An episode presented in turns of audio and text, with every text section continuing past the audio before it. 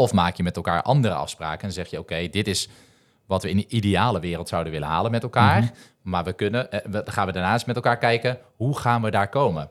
Precies. Waarbij maar, we ook in de weegschaal leggen dat kwaliteit en groei van het team, maar van het bedrijf en, en, en, en de samenwerking met de klant en alles wat erbij komt kijken, Ja. in oogschouw houdend meenemen.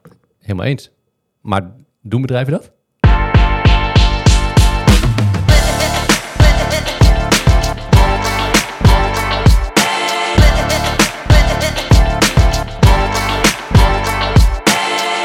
Welkom en leuk dat je luistert naar weer een nieuwe aflevering van Ondernemer de Podcast.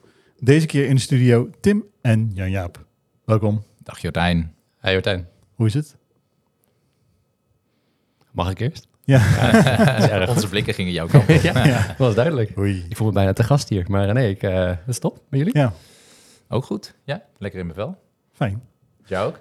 Ja, zeker. zeker. Mooi. Het is eh, weer een nieuwe podcasttijd, dus dan is het altijd goed. Ja, dat is mooi hè? Mooi Ja. moment. Let the games begin.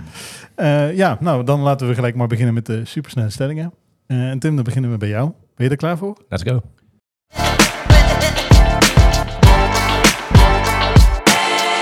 De eerste is, misleidende marketing is acceptabel zolang het de verkoop verhoogt en binnen de wettelijke grenzen blijft. Nee.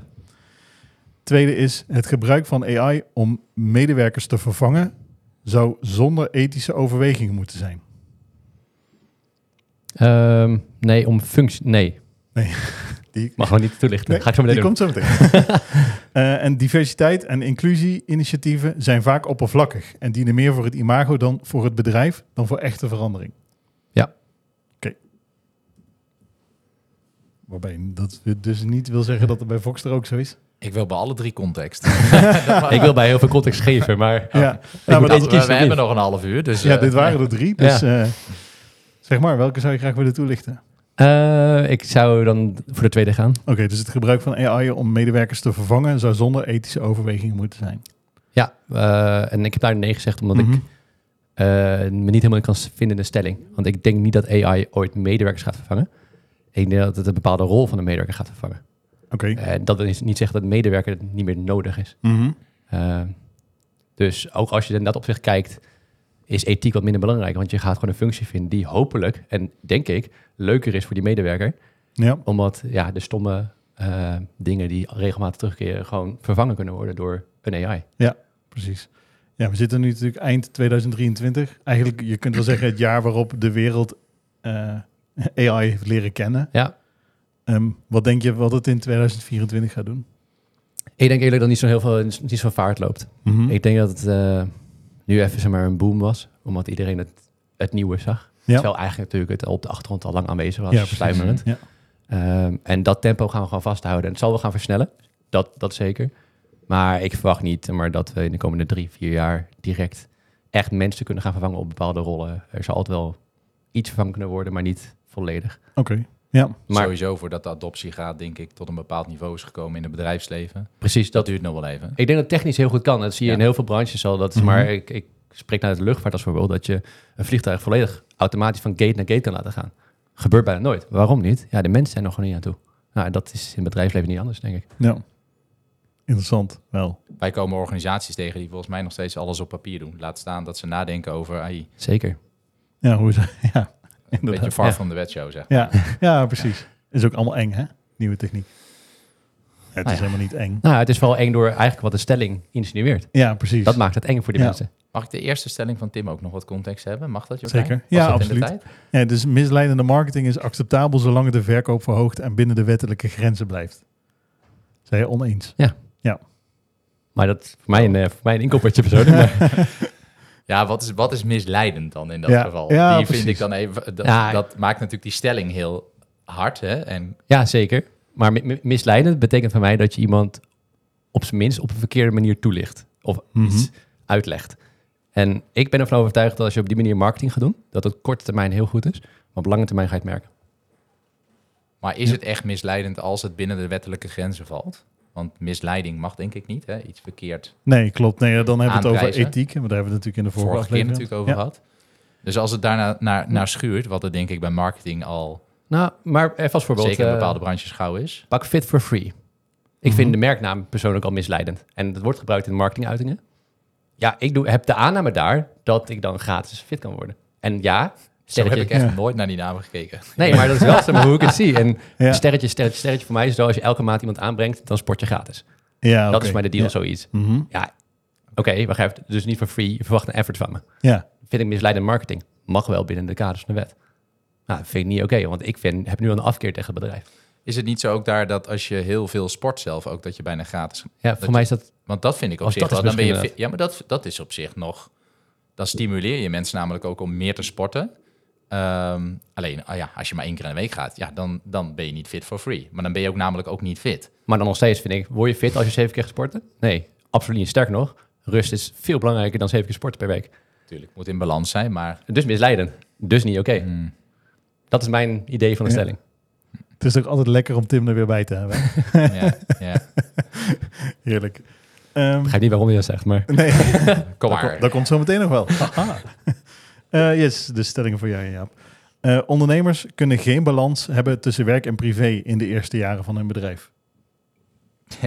ik niet, maar ik denk wel dat het kan. Dus ik ben oneens. Oké, oneens. Eh, het grootste deel van het bedrijfsbudget moet worden besteed aan marketing. Oneens. Oké, pas op wat je zegt. En snelle groei is gevaarlijker voor een bedrijf dan geen groei.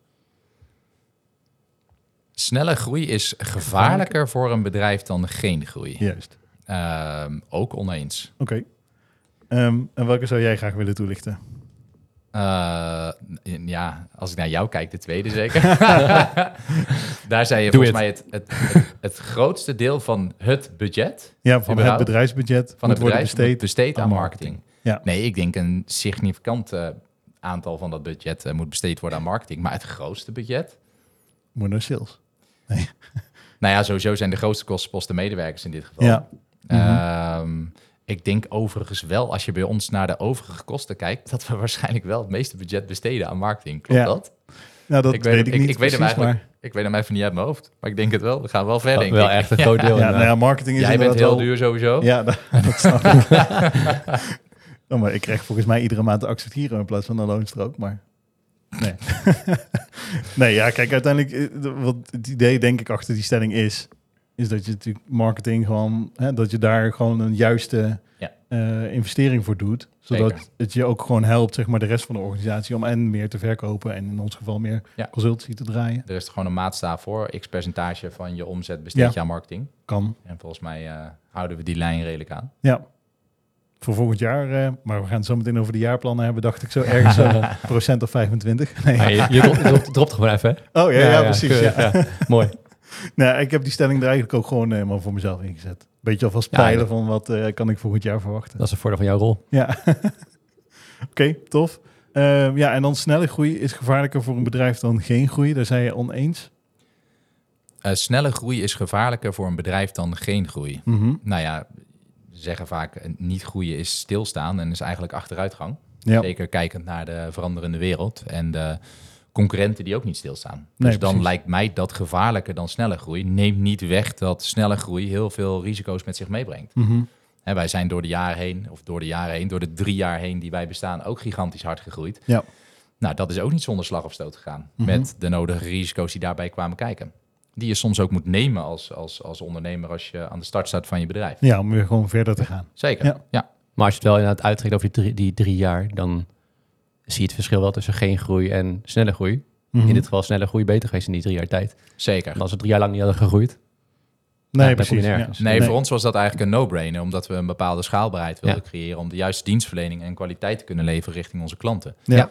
En Eh, zekerheid intern voor de medewerker, dat ja. we een Mhm. grote organisatie zijn, dat we iets kunnen hebben, dat Ja. soort zaken. En daar Ja. hebben we best risico's meegenomen. Zeker. Toch? Hè? Door mensen aan te nemen zonder dat er eigenlijk nog werk was. Wetende Mhm. dat waarschijnlijk het werk wel ging komen. Maar Ja. dan moet je wel heel erg vertrouwen op jezelf. Ja, door het tweede punt, hè, het grootste deel van het budget moet naar marketing. Doe ik geen uitspraak over. Nee, nee, precies.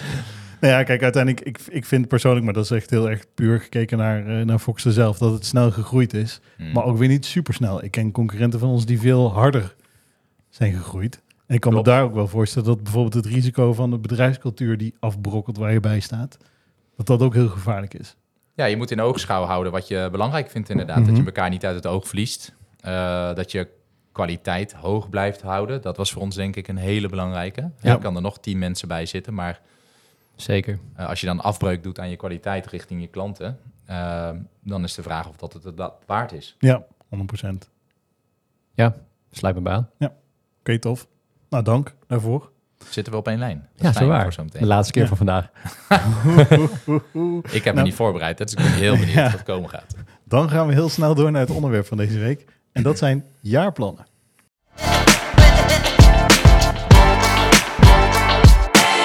Hoe zou je een jaarplan in één zin omschrijven? Tim, jij hebt je voorbereid. Denk je ook nog even Hier had ik me niet meer voorbereid. Ehm, Of misschien wel in een, in een woord? Hou heb- vast. Oh, Oeh, dit, mooi, ja. dit is dan heel gevoelig voor Tim ja, waarschijnlijk. ik zou Nou, dan zeggen, ik zeg- arbitrair gekozen doelen. Oh, oké, mooi. Ik had onzin verwacht bij jou, maar... Ja, nee, Ja, die wilde ik ingooien, daarom, maar... daarom gooide ik de hou vast erin. Ja, precies. Dat snap ik wel. Oké, ehm, nou ja, dat geeft een beetje de sfeer van deze aflevering aan. Ja, ik zet gelijk met mijn arm over elkaar. ja, ja heel defensief. Ben ik dan zoveel blauwer dan jij? Ik, heb, ik weet dus niets van die kleuren af, dus ik heb geen idee. Oh. Oké, dan ga ik nu de makkelijkste vraag stellen die er is. Van waar? van waar deze constatering? Ehm, nou, meer wat, wat ik er lastig aan vind aan jaarplannen, ehm, is dat ik daarmee eh, mijn doel loslaat van het bedrijf runnen, Ja. voor mijn gevoel. Eh, en daarmee wil ik zeggen, eh, heel kort gezegd, zeg maar is ons bedrijfsdoel impact maken. Mhm. En oké, misschien geeft dit aan dat wij het verkeerd doen. Zou heel goed kunnen. Maar ik heb nooit het gevoel dat de jaarplannen in het kader staan van impact maken. Ik heb altijd het gevoel dat de focus meer gaat naar, nou ja, naar doelen die je kiest. En Ja. dat gaat nastreven. Alleen, ik mis vaak de context van, oké, maar hoe draagt dit bij aan ons doel om impact te maken? Oké, En ik merk dat in meerdere organisaties dat zeg maar, uiteindelijk gaat om omzet, eh, ontwikkeling van medewerkers, dat soort zaken. Mhm. En ik begrijp allemaal wel hoe dat bijdraagt. Maar het is nooit, zeg maar, het is meer van, oh ja, dit doen we. En dat dragen we op die manier bij. In plaats van, hoe gaan we bijdragen en hoe gaan we het realiseren in het komende jaar. Maar- Los nog even van het feit dat een jaar nog steeds heel arbitrair is. Maar heb je, Mhm. dan, heb je dan een aversie tegen een jaarplan of tegen hoe jaarplannen ehm, gemiddeld genomen ingevuld worden? Ehm, nou ja, precies. Dat zeg ik van. Het is misschien een constatering dat wij het anders moeten gaan doen. In mijn ogen. Eh, dat zou kunnen. Maar ik merk ook wel dat dit wel echt een ding is wat in de wereld een beetje ingeburgerd is en geaccepteerd wordt. Dus in die zin heb ik eh, iets tegen de manier waarop het gebeurt. oké. Maar je kunt, je kunt toch zeggen, hè, we weten zeg maar wat de B-hack is van Voxter. Ja. Het is de Big Harry Audacious Goal. Dus dit is zeg maar de stip aan de horizon waar we over een Ja. paar jaar naartoe willen. En daar moeten we nu dit jaar dit voor gaan doen. En daarvoor moeten we dit kwartaal dit gaan doen. En deze maand en deze dag dit gaan doen. Om uiteindelijk zeg maar bij te gaan dragen aan het grote geheel. Ja. Maar uiteindelijk is het dan toch ook fijn dat je een plan hebt. Een afgekaderd plan met oké, dit gaan we dan doen. Om deze grote B-hack te halen. Nou ja, ze- zeker. Maar ook daar met die b-hack is het weer dat ik over, als je over nadenkt, is dit ook weer een arbitrair gekozen moment. Van oké, we gaan dansen, maar dat bereikt hebben. Gewoon even, stel nou, eh, je bereikt het niet. Maar je bereikt het zes maanden later. Faal je dan? Nee, maar dat is ook niet het doel van een B-hack volgens mij. Nou ja, maar dat is, je definieert het wel op die manier. En dat vind ik vreemd. Ja. ja, en dat is natuurlijk met, als je het even dan afpelt in een jaarplan, dan zeg je van oké, we gaan eh, hè, in- zeg maar even 4 miljoen euro omzet draaien. En je Ja. haalt op 31 december niet 4 miljoen, maar op 2 februari van het jaar daarop wel die 4 miljoen. Ja, Ik snap jouw punt. Dan hebben we het niet gehaald. Nee, ja, Nee, maar kijk, precies- maar dit is dus interessant. Dit- want dit is de kern. Ja, ja. want ik, ik zal je even schetsen hoe ik, hoe ik het zeg maar zie als in, in een ideale wereld. En ik begrijp ook wel, het is zeg maar gedacht in een ideaalbeeld. Maar moet je je voorstellen, je, bent- je hebt twee verschillende, verschillende teams. En allebei de teams hebben een omzettarget. Het ene team, die streeft keihard het omzettarget na, elke maand. En in januari gaat het goed. Zijn ze echt helemaal blij. Zijn ze helemaal opgewonden van, oh, het gaat fucking goed. Dan is het februari, gaat het minder goed. Dus dan worden ze een beetje depressief. En ze denken van, oh shit, gaan we het redden? En dit en dat. Dus moraal gaat omlaag. En zo gaat het eigenlijk het hele jaar door op en neer een beetje. Wat gebeurt in december? Ze hebben target nog net niet. Dus ze gaan alles op alles zetten om dat target maar te vinden. Maar ergens moet het vandaan komen. En eigenlijk ga ik mijn hele praktijk loslaten. En ik ga gewoon proberen het target te willen. Want dan krijg ik mijn bonus. En het grappige is, als die mensen dat voor elkaar krijgen, dan krijgen ze ook een bonus. Omdat ze hun target hebben gehaald. Dan heb je team 2. En team 2 zegt gewoon heel simpel, januari. En wij gaan gewoon een steady plan maken om elke maand te groeien. En we gaan gewoon ervoor zorgen dat die groei zeg maar, duurzaam is. Dus dat het volgend jaar ook doorgezet kan worden. En het jaar daarna ook doorgezet kan worden. Maar in december hebben ze hun target niet gehaald. Omdat inderdaad dat pas in februari zeg maar, op de planning staat. Mhm. Dat team gaan we geen bonus geven, want we hebben hun target niet gehaald. Terwijl die duurzame groei en de moraal van mensen altijd hoog is, omdat ze altijd aan het groeien zijn. Ik heb dat veel liever. Nou, maar wie zegt dat, dat we dat andere team geen target of geen bonus zouden geven? Dat is afhankelijk van de afspraken die je met elkaar maakt. Ja, maar dus in een jaarplan afstemt. Als je alleen maar blind staart op zeg maar, het blauwe, en dat is in dit geval het cijfertje, want dat is het target wat we moeten halen, Mhm. dan laat je uiteindelijk dus de kwaliteit en alles wat er omheen hangt, laat je los. ja, Of maak je met elkaar andere afspraken en zeg je, oké, dit is wat we in de ideale wereld zouden willen halen met elkaar, Mhm. maar we kunnen, eh, we- dan gaan we daarnaast met elkaar kijken, hoe gaan we daar komen? Precies. Waarbij maar, we ook in de weegschaal leggen dat kwaliteit en groei van het team, maar van het bedrijf en, en, en, en de samenwerking met de klant en alles wat erbij komt kijken, Ja. in oogschouw houdend meenemen. Helemaal eens. Maar doen bedrijven dat? Eh, Jij zegt net zelf. Ja, als het in februari het target halen, hebben ze het niet gehaald. Ik denk, nee, oké, maar eh, eh, nou ja, ik ben nog wel een spreadsheet-ridder, hè, dus dan... I know, daarom zeg ik ook. Maar ik, ik, ik, ik ben ook altijd een voorstander van kwaliteit leveren, want anders hebben we niks aan die omzet, want dan lopen de klanten aan de achterkant weer net zo goed weg. Ja. Vind jij dat wij het doen als organisatie? Nee. Je zegt net, hè, doen andere bedrijven dat, maar doen wij het? Nee, zeker niet. voldoende? Ik vind, nee, ik vind dat... Zeg maar, Helemaal niet of niet voldoende? Nou, eh, we doen het wel, maar we meten alleen maar de euro's, terwijl we dit niet meten, terwijl dit veel belangrijker is. Dus ik zou liever willen meten, wat is de groei voor jouw team elke maand? En zit daar een tendens in die stijgend is? Hè, Is de trend omhoog? Dat heb ik veel liever dat we dat gaan meten, dat we dat gaan zien. Van, hey, en van mijn part is dat ze elke maand met minder inzet meer omzet draaien. Geweldig. Supergoed. Ideale wereld. Ja, maar als Ja. die trend zichtbaar is, dan Ja. moet je me niet zeg maar. Eigenlijk, uiteindelijk wil je wel een target halen om iets na te streven. Maar als die trend er is, is die trend er. En misschien moet je gewoon die trend gaan be- be- belonen. En dat, dat doen we absoluut niet. Nou ja, goed punt. Het lastige is denk ik hoe je dat uiteindelijk gaat meten. Het is niet dat we daar niks van meten. Ehm, Nee. We leggen er natuurlijk wel zaken van vast. Bijvoorbeeld ook eh, klantbeoordelingen die we meten vanuit, eh, vanuit marketing. Dat zegt natuurlijk ook wel wat. Al kan Ja. er natuurlijk een diversiteit aan consultants op zo'n klant gezeten hebben vanuit verschillende teams. Dus wie heeft dan welke kwaliteit geleverd? Ja. En Dat blijft denk ik de grote uitdaging. Niet alleen voor ons, maar ook voor andere organisaties. Tuurlijk, dat is het ook. Het is ook een grote uitdaging. En dat is ook waarom ik denk dat mensen heel vaak terugvallen op het andere. Maar ik zou het mooi vinden als ik kijk naar onze bierhacken. Wij willen mensen inspireren om, om te veranderen. Ja, ik zou een metric willen hebben waarbij je gewoon zien, hey, senior consultant, hoe vaak dit jaar of deze maand heb jij jouw visie kunnen delen met een klant? Ja. En als het in januari twee keer is, in februari drie keer, in december twaalf keer, goede trend. groei. Houd Ja. het vast. Die wil ik belonen. Dat wil ik Mhm. nastreven. En even eerlijk, ik geloof heel erg in dat als wij dat doen en op die manier waarde leveren, komt dat geld wel. In Ja. plaats van laat het geld nastreven en dan ondertussen dit doen. Maar heb je mee, hè? Laten we gewoon per januari stoppen met de bonussen.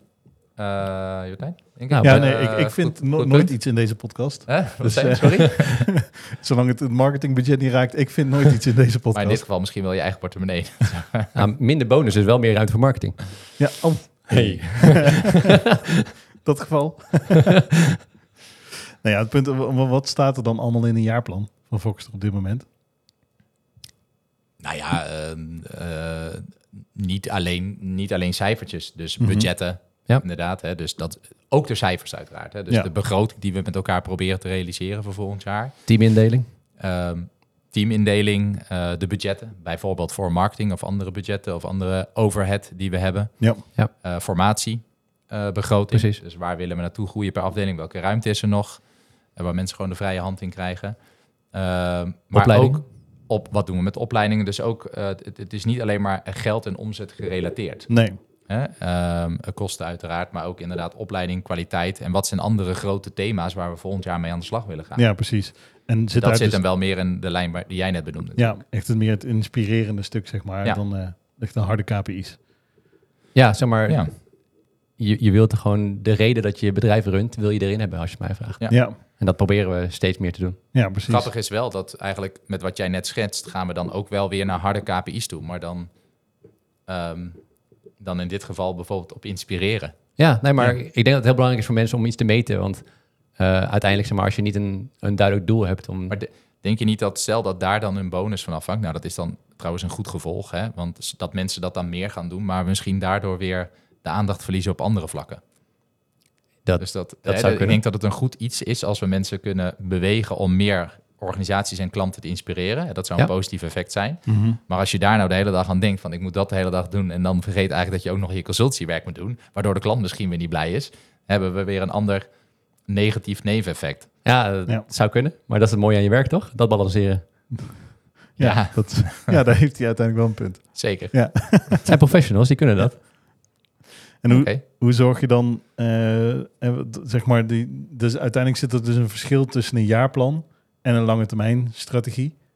Hoe zorg je ervoor dat die jaarplannen ook op elkaar aansluiten?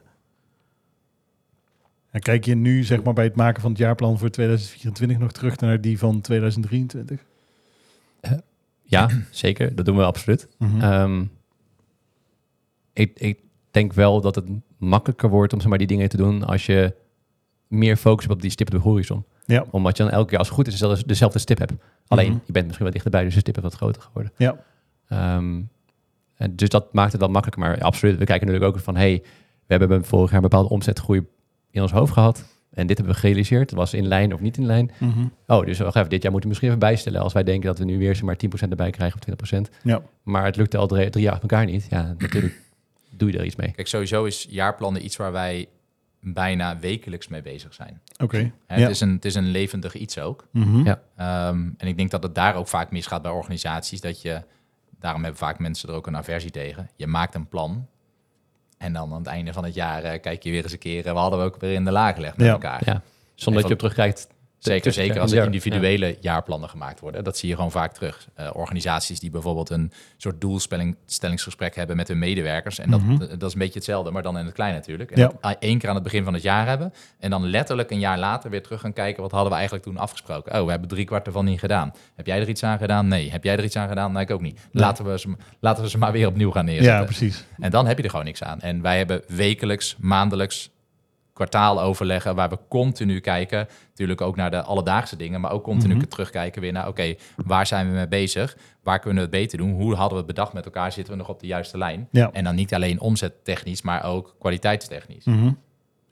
Dus en ik denk dat het dan een heel krachtig iets is. Ja, maar dat is precies wat, nou, precies wat jij net zegt over zeg maar, hè, doelstellingsgesprekken en voortgangsgesprekken. Dat is precies de reden waarom ik dus die trend wil gaan belonen. Want dat betekent dus niet dat iemand denkt van, oh, ik heb een voortgangsgesprek. Ik ga nu even twee weken lang vol gas aan werken. Nee, ik wil dat het zeg maar, een routine in je wordt. Dus ik wil dat je elke week mee bezig bent, zodat je bij het voortgangsgesprek gaat zeggen, ik heb dit en dit gedaan, dit geleerd, hier moet nog gaan werken. Ja. Want dan zit het echt in je, dan leef je het. Mhm. Hè, dan wordt het een, een, een gewoonte waar je niet meer over na hoeft te denken. Ja. En daarom wil ik die trend gaan, zeg maar, meer gaan bekijken, meer inzicht te krijgen. Het is wel iets wat wij stimuleren intern. We stimuleren ook het vertellen van mooie verhalen. Hè, ook het vertellen van minder mooie verhalen trouwens. Mhm. Want dat kan natuurlijk net zo goed zijn. Daar kun je ook wel andere, eh, andere mensen Ja. mee inspireren. Ja. Maar we delen al heel veel successen intern. Ja. En niet alleen één keer in de maand, maar dat doen we eigenlijk gedurende de hele maand. Dat sluit wel een beetje aan bij wat jij net zegt. Zeker. Ik denk dat ook heel veel onbewust, ik denk dat heel veel organisaties trouwens het onbewust heel goed doen. Mm. Maar eh, ja, uiteindelijk als je zeg maar, ergens meer aandacht aan besteedt, of meer energie aan geeft, dan, groeit het. Groeit het, ja. Zeker. Zeker.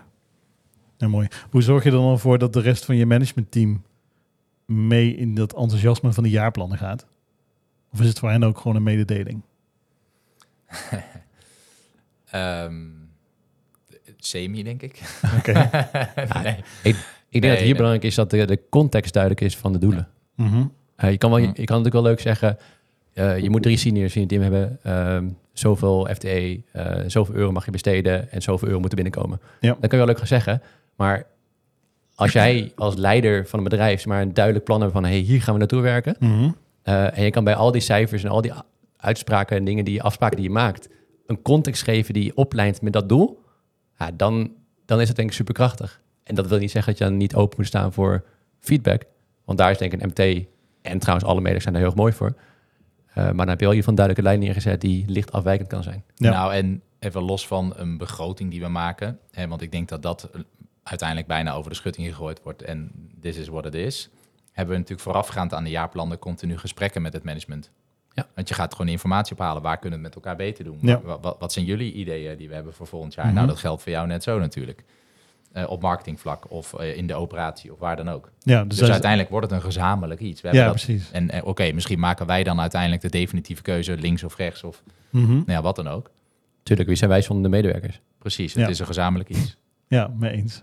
Mooi dat je dat zegt. En hoe ehm, vertaalt die missie en visie dan uit dat jaarplan zich naar de concrete acties? Welke handvatten gebruik je daarvoor?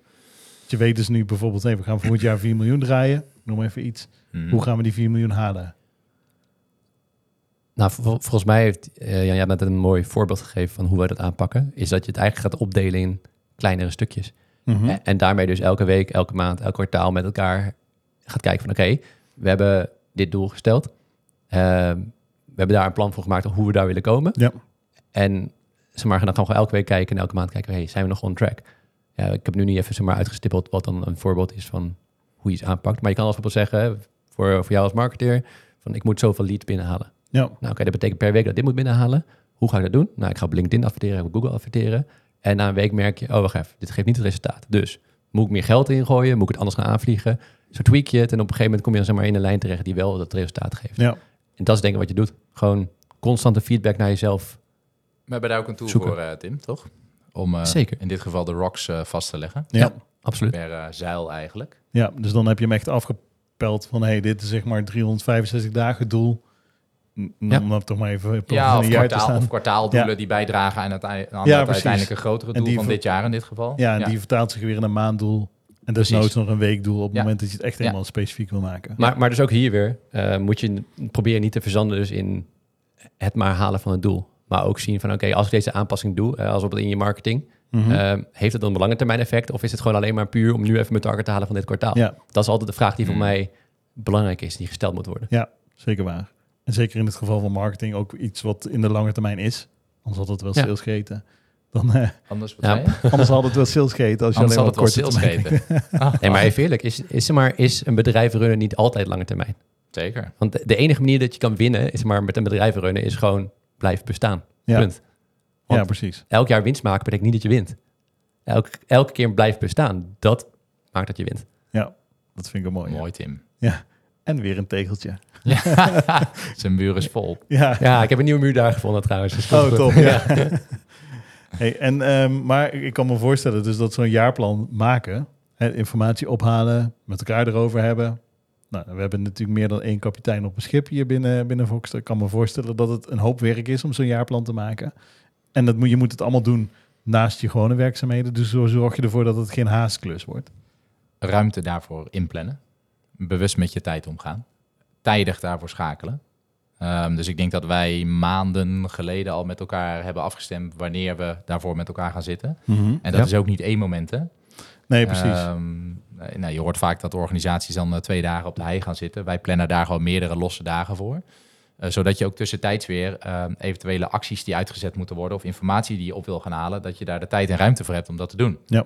En dat is, dat is dit jaar weer gebleken. hè? Ja, Ehm, 100%. Nou, we hebben wat onderwerpen zoals eh, pensioen of bijvoorbeeld bonus... waar je ook misschien extern of intern weer informatie over op wil halen. ja. Wat uiteindelijk kan leiden tot de keuzes die je gaat maken. Mhm. En daarom vind ik het heel fijn dat we daar meerdere dagen voor plannen.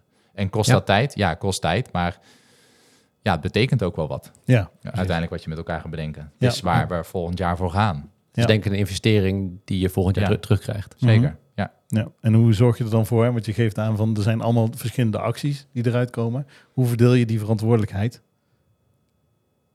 Eh, nou, gemiddeld genomen is dat gewoon letterlijk kijkend in welke zeil die valt. En, eh Alle- en de rest een van de de CEO. directieleden, die, die, die, pakte, die pakte hem op.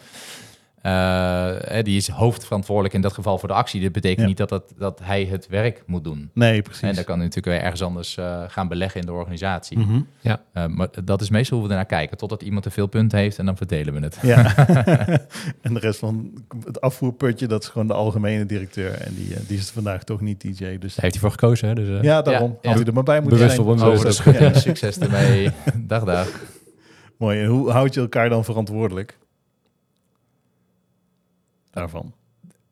Nou, ik denk dat we allemaal een eh, verantwoordelijkheidsgevoel hebben. En ik, ik, we gaan er gewoon vanuit dat degene die daarvoor verantwoordelijk is, dat ook oppakt. Ja, En wij hebben ook wel een cultuur met elkaar ontwikkeld waarin we elkaar daar ook gewoon op aan kunnen spreken. ja, Als zeker. ik niet lever of als Tim niet levert op dat moment, kunnen we gewoon zeggen, ja, waarom? we hebben met Ja. elkaar deze afspraak gemaakt. Waarom niet? Dan moet je met hele legitieme redenen komen waarom je dat niet gedaan Ja, hebt. precies. Ja. Of hoe kan ik je helpen om het alsnog beter dan een waarom vraag. Wat Maar, goed, ja. Inderdaad, hè? Nee, maar eh, vaak hebben we natuurlijk voorafgaand er al, als iemand het niet gaat halen, is dat gesprek al lang geweest. Ja. Want dat kan natuurlijk best af en toe eens een keer voorkomen.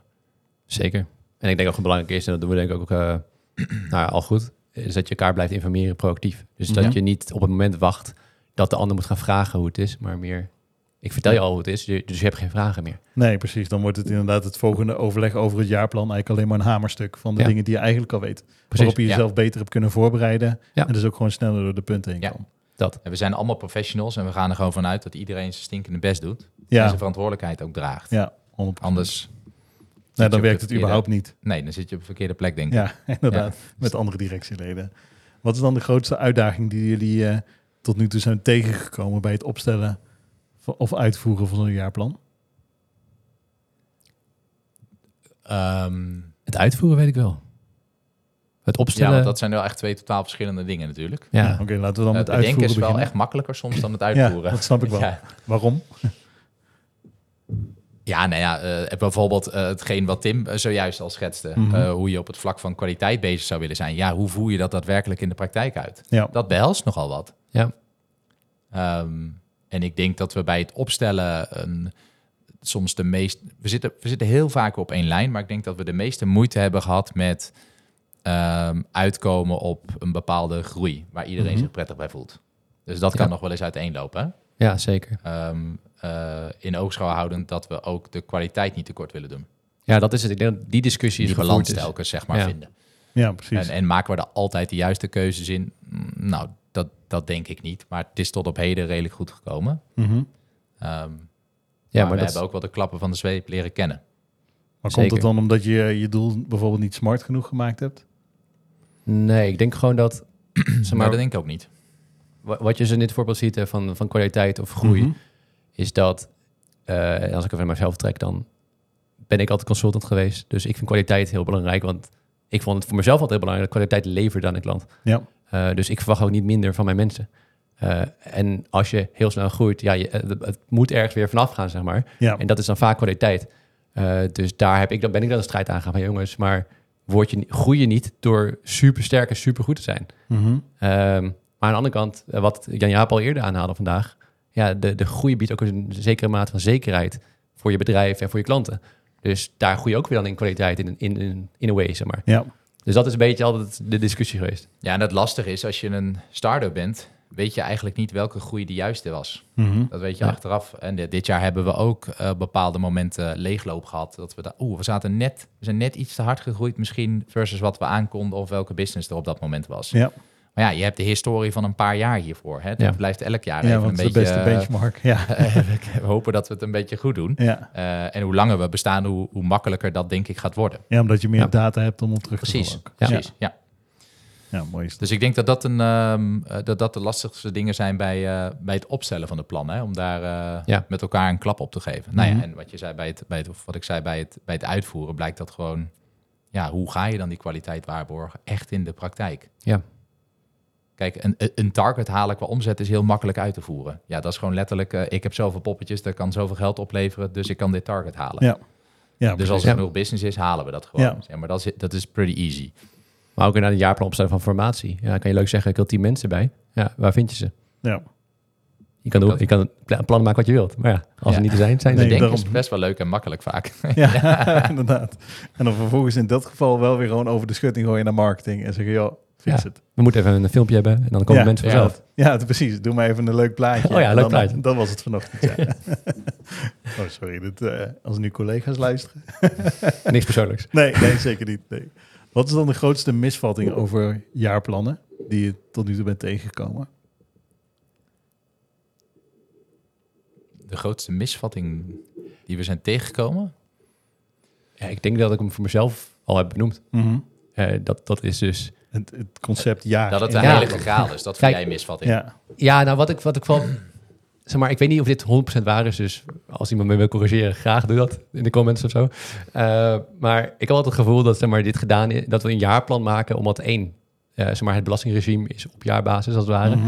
Eh, en we hebben een kalender die toevallig een jaar is. Was die kalender 18 maanden geweest, was het be- belastingregime 18 maanden geweest, dan hadden we waarschijnlijk 18 maanden plan gemaakt. ja.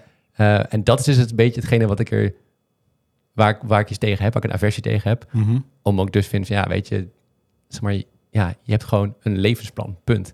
Net zoals dat je naar de sportschool gaat. Het is echt niet zo dat je een jaar naar de sportschool kan gaan, dan fit bent en dan kan stoppen. Nee, het gaat door. Je moet het onderhouden. En- ja. Dat moet je in oogschouw houden. En Mhm.